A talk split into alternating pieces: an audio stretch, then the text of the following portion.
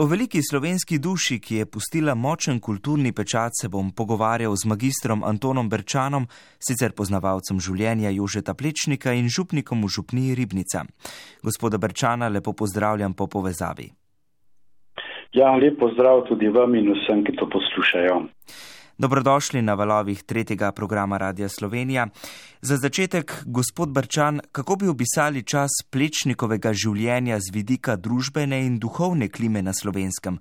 Kakšno vlogo je takrat igrala katoliška crkva v družbi? Ja, moramo vedeti, da je pravzaprav plečnik živel v treh državah. Rodil se je časa Avstrije in do konca prve svetovne vojne je živel v, v, Avstris, v Avstro-Ogrski, potem uh, je živel deset let na Češkem, se pravi tudi uh, do vrnitve v Ljubljano, v stari Jugoslaviji, uh, potem in pa še v novi Jugoslaviji, se pravi v, v Socialistični republiki Jugoslaviji do svoje smrti. Avstrija, vemo, v Avstriji nekako je bila crkva del državne ureditve in uh, uh, je, je bila crkva tudi ena od vodilnih uh, vlog v, v, v državi, uh, medtem ko na Češkem je posebno po prvi svetovni vojni doživel en hlad, pravi verski hlad, uh, ker uh, je bila Češka ni bila tako katoliška država, kot je bila recimo Avstrija. No, potem se vrne v kraljevino Jugoslavijo. Uh, tukaj je pač uh, se on ukvarjal bolj šolstvom in pa potem po vojni pa vemo, kakšni so bili časi uh, in uh, celo sem našel en listek uh, v, med njegovimi pismi. Uh, ko piše, ne vem, leta 48 ali 49, 19 namreč, je, ko je bilo za veliko noč prepovedano zvonjenje in je napisano ta listek, velika noč brez zvonjenja ali je to še Slovenija. Se pravi, on je kot en veren človek uh, doživljal tudi to uh, državnost, se pravi uh, okolje kot takšno, kot je takrat bilo. Se pravi, v, Avstriji je, čeprav je znal biti kritičen tudi do, do določenih zadev, uh, ampak je upošteval zadeve, ki so bile pač uh, povezane z državo, z um, ureditvijo uh, in tudi v, recimo, po vojni ko imel tudi veliko težav z določenimi zadevami, recimo crkv v Šmartnem otohinju, bili narejeni že vsi načrti, pa je bilo potem prepovedano graditi v crkv, ampak je pač to sprejemal. Ne? Tako da se mi zdi, da uh, je bil to čas, če vzamemo recimo še v Ljubljani, uh, so bili nekak župani, uh, vsi liberalno usmerjeni v stari Jugoslaviji oziroma že tudi v Avstriji, recimo Peter plemeniti Graseli, a ne to je bil v njegovem času njegovega otroštva, a potem Hribar, uh, so bili liberalno usmerjeni in tudi Hribar jo je pisal za kakšne zadeve z Dunaja, pa ni uspel, ker je, so bili drugi uh, arhitekti več besede, uh, recimo Fabijani v tistem času. Uh, po vojni pa uh, je potem le počasi pridobival na nekem, uh, se pravi, pridobival na njegovo ime pridobivalo neko vrednost, še posebej potem, ko je postal član Angliške kraljevske akademije. Uh, in takrat je potem dobil tudi preširno nagrado, recimo. Ne, pridobival ugled. Ampak, če se, če se zdaj ja. preseliva morda bolj v njegovo mladost, ja. v kakšnem okolju je pravzaprav odraščal mladi plečnik? Ja, za, za svojo mamo pravi, ne, ko sta skupaj, še posebej brat Andrej, je duhovnik, je pozdignil nekako svetniški lik in tudi on jo tako sprejema. Uh, in v nekaj zapisal Pater Martin Perc, ki je bil po vojni župnik v stranjah pri Kamniku in je z njim obnavljal to crkv, je pater Martin Perc dan po plečnikovem pogrebu zapisal eno misel. Uh, pravi plečnik, moja mati je šla skoraj vsak dan k maši, skoraj vsak dan. In tudi jaz sem šel večkrat z njo. Pravi, ker je potrebovala nekaj salonskega, nekaj lepote, da je lahko tisti dan uh, lepše preživela. Se pravi, bilo je uh, eno versko ob, ena družina, ki je, ki je živela uh, versko, katoliško, crkveno življenje. Se pravi, oče, vsak večer smo se zbrali k molitvi, molil rožni venec in na koncu tudi na čas sveti Katarini za zdravo pamet. Vemo, da je potem uh, ta stavek dal na spomenik Prve svetovne vojne v Komendi, ne, napisal molimo za zdravo pamet. Ne, tako in to je ga pravzaprav ta otroška vera, katero je prejel, ga je spremljala skozi vse življenje. Omenjate to otroško vero, torej plečnik se je pravzaprav zgodaj srečal z ljubeznijo do Boga. Ja, je korenina ja. ljubezni do Boga torej pognala precej zgodaj in tudi vplivala na njegovo celotno življenje? Ja, starejši brat je bil, je šel bogoslovje, potem postal duhovnik. Se pravi, je bila ena, ena, ena, ena verska ali religiozna misel v njihovi družini doma. Ne? Še posebej potem, eh, kot pravi eh, njegovi življenje pisci, po smrti očeta, ko je bil on eh, takrat v Gracu, je še zginilo iz družine še tisto nekaj liberalnega, kar je morda predstavljal oče. Tako, družina sama pa je bila gotovo globoko verna. Če se zdaj preseliva prav k tem figuram v življenju plečnika, katere so bile tiste, ki so pomembno vplivali pri njegovem odnosu do Boga, omenjate morda nekoliko večjo odsotnost očeta in večjo prisotnost matere? Ja, čeprav mati je umrla, uh, ko je bil na tem študijskem potovanju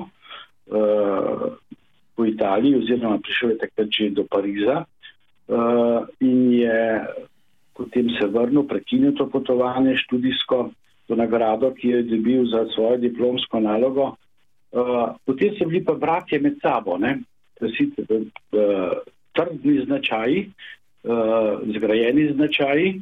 Uh, In eh, recimo glede študija je nam zelo vplival uh, mlajši Janez, ki je študiral medicino in pa gotovo uh, brat Andrej kot duhovnik ga je usmerjal in uh, v teh pismih bratu Andreju ne, je pravzaprav uh, vidimo to njegovo vero, kako je on na njega vplival.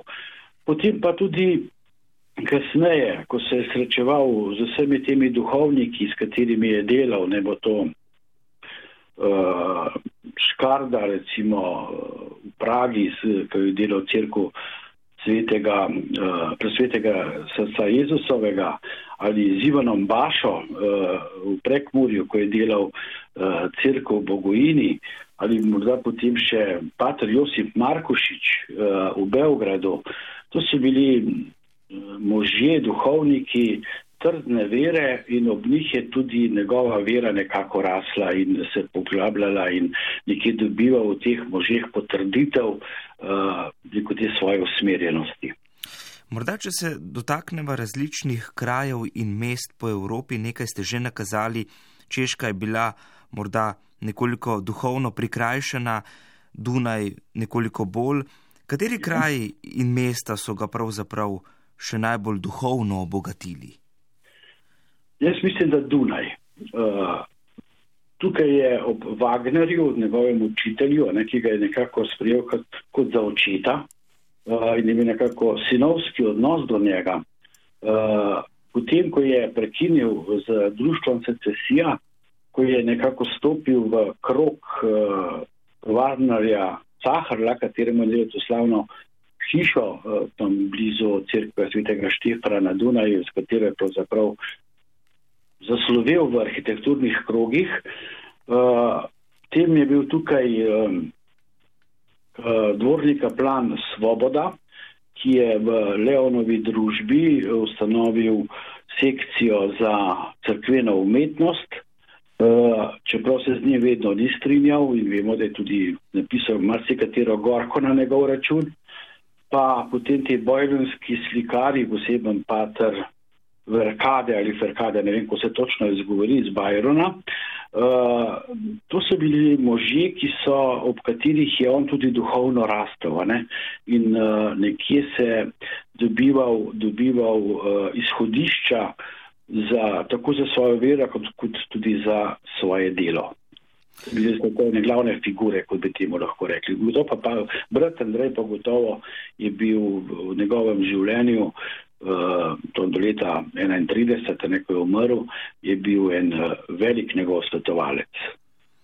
In če se prav dotakneva še malo brata Andreja, kako bi ga opisali v očeh plečnika? Ja, brat Andrej je nekako morda prevzel vlogo očeta v tej družini. Uh, čeprav so imeli namen, da bodo naredili hišo, v kateri bodo skupno bivali, se to ni nikoli zgodilo. Uh, srečavali so se pri sestri. Uh, brat Andrej je bil, lahko rekli, nekako janzenistično strok, strok človek. Uh, in uh, uh, on je bil veroučitelj. Po črki postave. ja, po črki postave. Ja. On je bil veroučitelj, se pravi, učitelj veruka uh, v Idriji, pa mislim, da v Kočevju, potem je pa uh, stopil v pokoj in je živel v Repnah pri sestrah, je tudi pokopan je potem uh, uh, na tem pokopališču čudovitim nagrobnikom, ki mu ga je Jože, se pravi, plečnik naredil, medtem ko ostali so pa pokopani v, v skupnem grobu na Ljubljanskih žalah.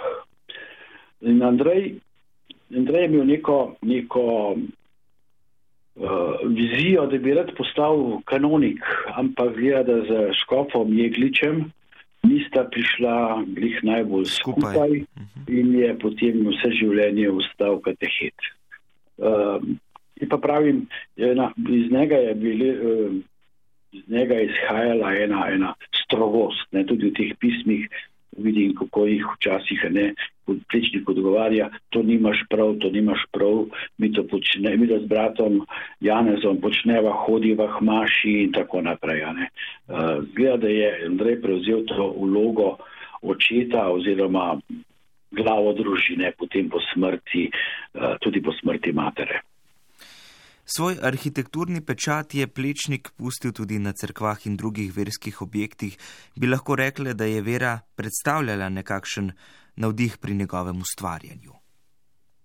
Ja, uh, mene je presenetil, sem to ta stavek že večkrat zapisal, iz pisma, to na začetku, uh, mislim, da je leta 1900, ko se je vrnil uh, iz tega študijskega potovanja in potem, ko ni, priš, ni, ni dobil pravega stika z Wagnerjevim sinom, um, ker njemu še bolj za denar, kot pa za neko kvalitetno delo in je zapustil njegov atelje in šel takrat na svoje, mlad arhitekt na Dunaju, ob vseh teh velikih arhitektih odpre svoj biro in začne uh, na svoje delati, ni imel dela, ni imel uh, naročil in je večkrat tudi bil nekako pesimistično razpoložen, zapiše v pismo, pravi, Andrej, ko Boga v rokah držiš, mu reci, da ne lažem.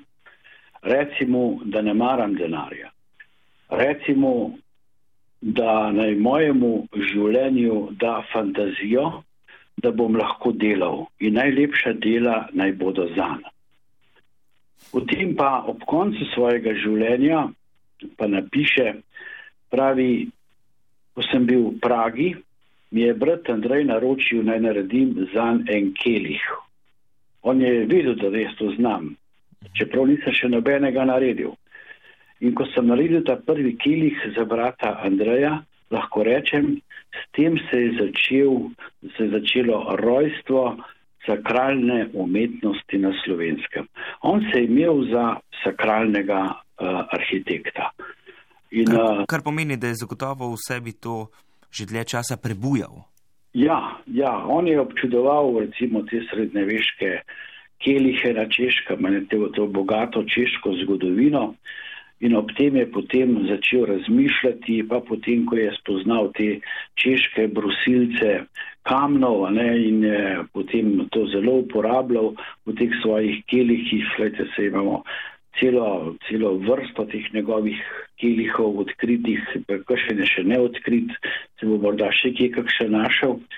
Uh, jaz sicer pravim, da je on Michelangelo ne, na, na področju uh, teh uh, sakralne posode v svetovni arhitekturi. Ne. Ni nobenega arhitekta, ki bi ga lahko primerjali, da bi naredil toliko uh, te crkvenega, te, toliko crkvenega posodja, kot ga je naredil ravno prečnik, ne Kilihov, Moštranc, Ciborijo in tako naprej. Za konec bi vas, gospod Brčan, prosil, da ovrednotite delo in življenje Jožeta Plečnika kot človeka verskega nazora in izjemnega arhitekta. Kakšen je vaš pogled, komentar? Ja,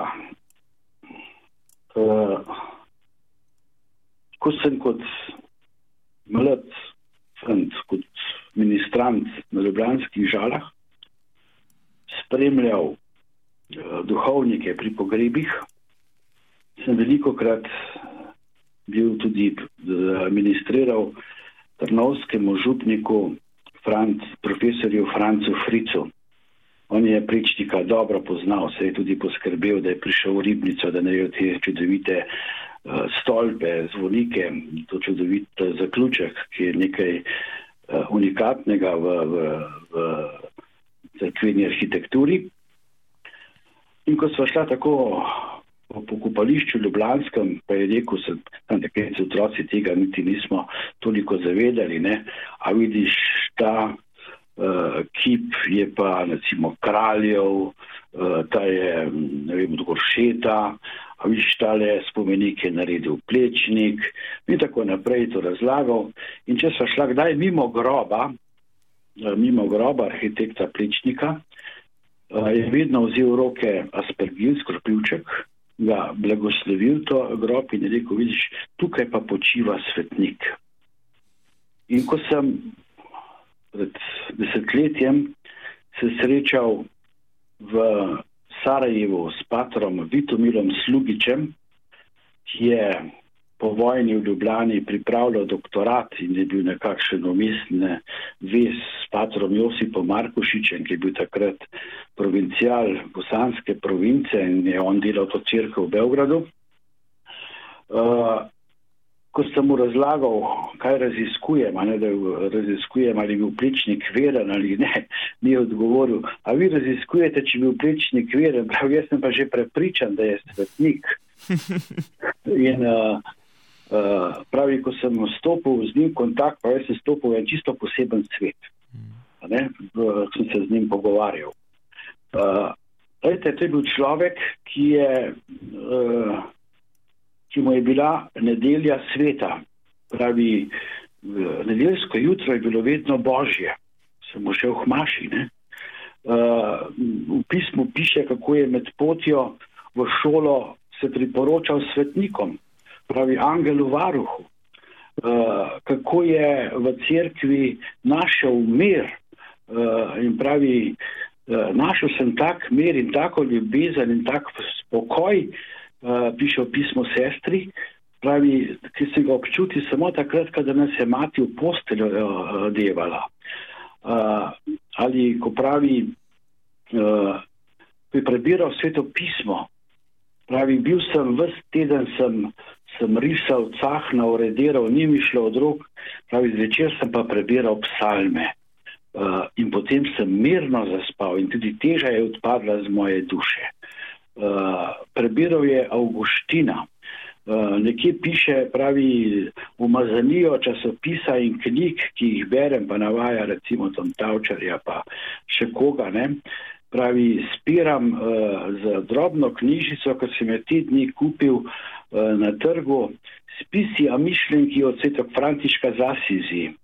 A ne se pravi, prebiral življenje pisa svetnikov uh, in ob teh se nekako uh, gradil svojo vero. Uh, tako da se mi zdi, uh, da je bilo njegovo življenje prepredeno tudi z molitvijo. Poglejte, koliko uh, uh, svečnikov ali celo arhitekturnih rešitev je naredil s kroglami kot podobami rožnega venca. In če greste v njegovo hišo, ne, ta sedaj pličnikov muzej, ta čudoviti muzej, ki so ga uredili na njegovi ti preprosti delovni mizi, ne, e, tako preprosto, da je bolj preprosta, ne more biti, pa tukaj so nastajale takšne umetnine, je tam v škatlici tudi rožni venec in pa podobica, Marina podobica. Ne. E, izhajal je uh, iz, uh, iz, kako bi temu rekli, ne tradicije, zverske tradicije, ampak iz enega verskega občutja. Poglejte, tam njegovi napisi, ki jih najdemo, recimo v Bogojini, v Bogojini najdemo en čudovit napis na gongu, tam pri zakristijskih uratih, ko pravi, uh, uh, upam, da bom pravilno citiral, uh, quid timet deum faciet bona et eh, qui continens est justitie. Ne, pravi, kdor se boji Boga, bo delal dobro. In kdor se pravice drži, ne, bi lahko potem naprej prevedli, bo tudi dosegal. Se pravi, z enega odnosa do Boga uh, bomo potem tudi delali dobro, saj Bog je tisti dobrota, ljubezen, uh, ki nas nekje dviga. In če bomo iz tega odnosa do Boga delali, bomo delali potem tudi resnično, pravično, dobro. In uh, on je, ko je videl, da nekdo, to že kot mlad, ne, kot sem že omenil, sina uh, profesorja Wagnerja, šlo bo za denar. Ne? Živel je iz naslova svojega očeta, ne, slavnega arhitekta, uh, on je pa pač to izkoriščal, pa dajmo, dajmo se ni važno, da bo to dobro delo, ne glavno, da mi dobimo denar. Uh, in uh, tudi te moder, postmoderne ali moderne zadeve, ki so se v njegovem času odvijale, ne? se pravi vera v denar, vera v lepoto, vera v, v, v, v eno. Um, ene odnose, ne, to za njega ni, ni bilo glavno, za njega je bila glavna vera v Boga.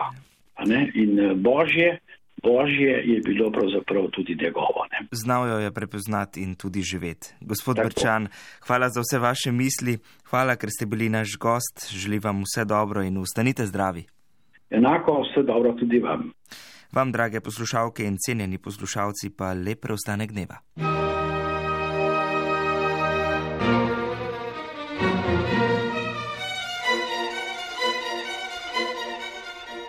Sedmi dan.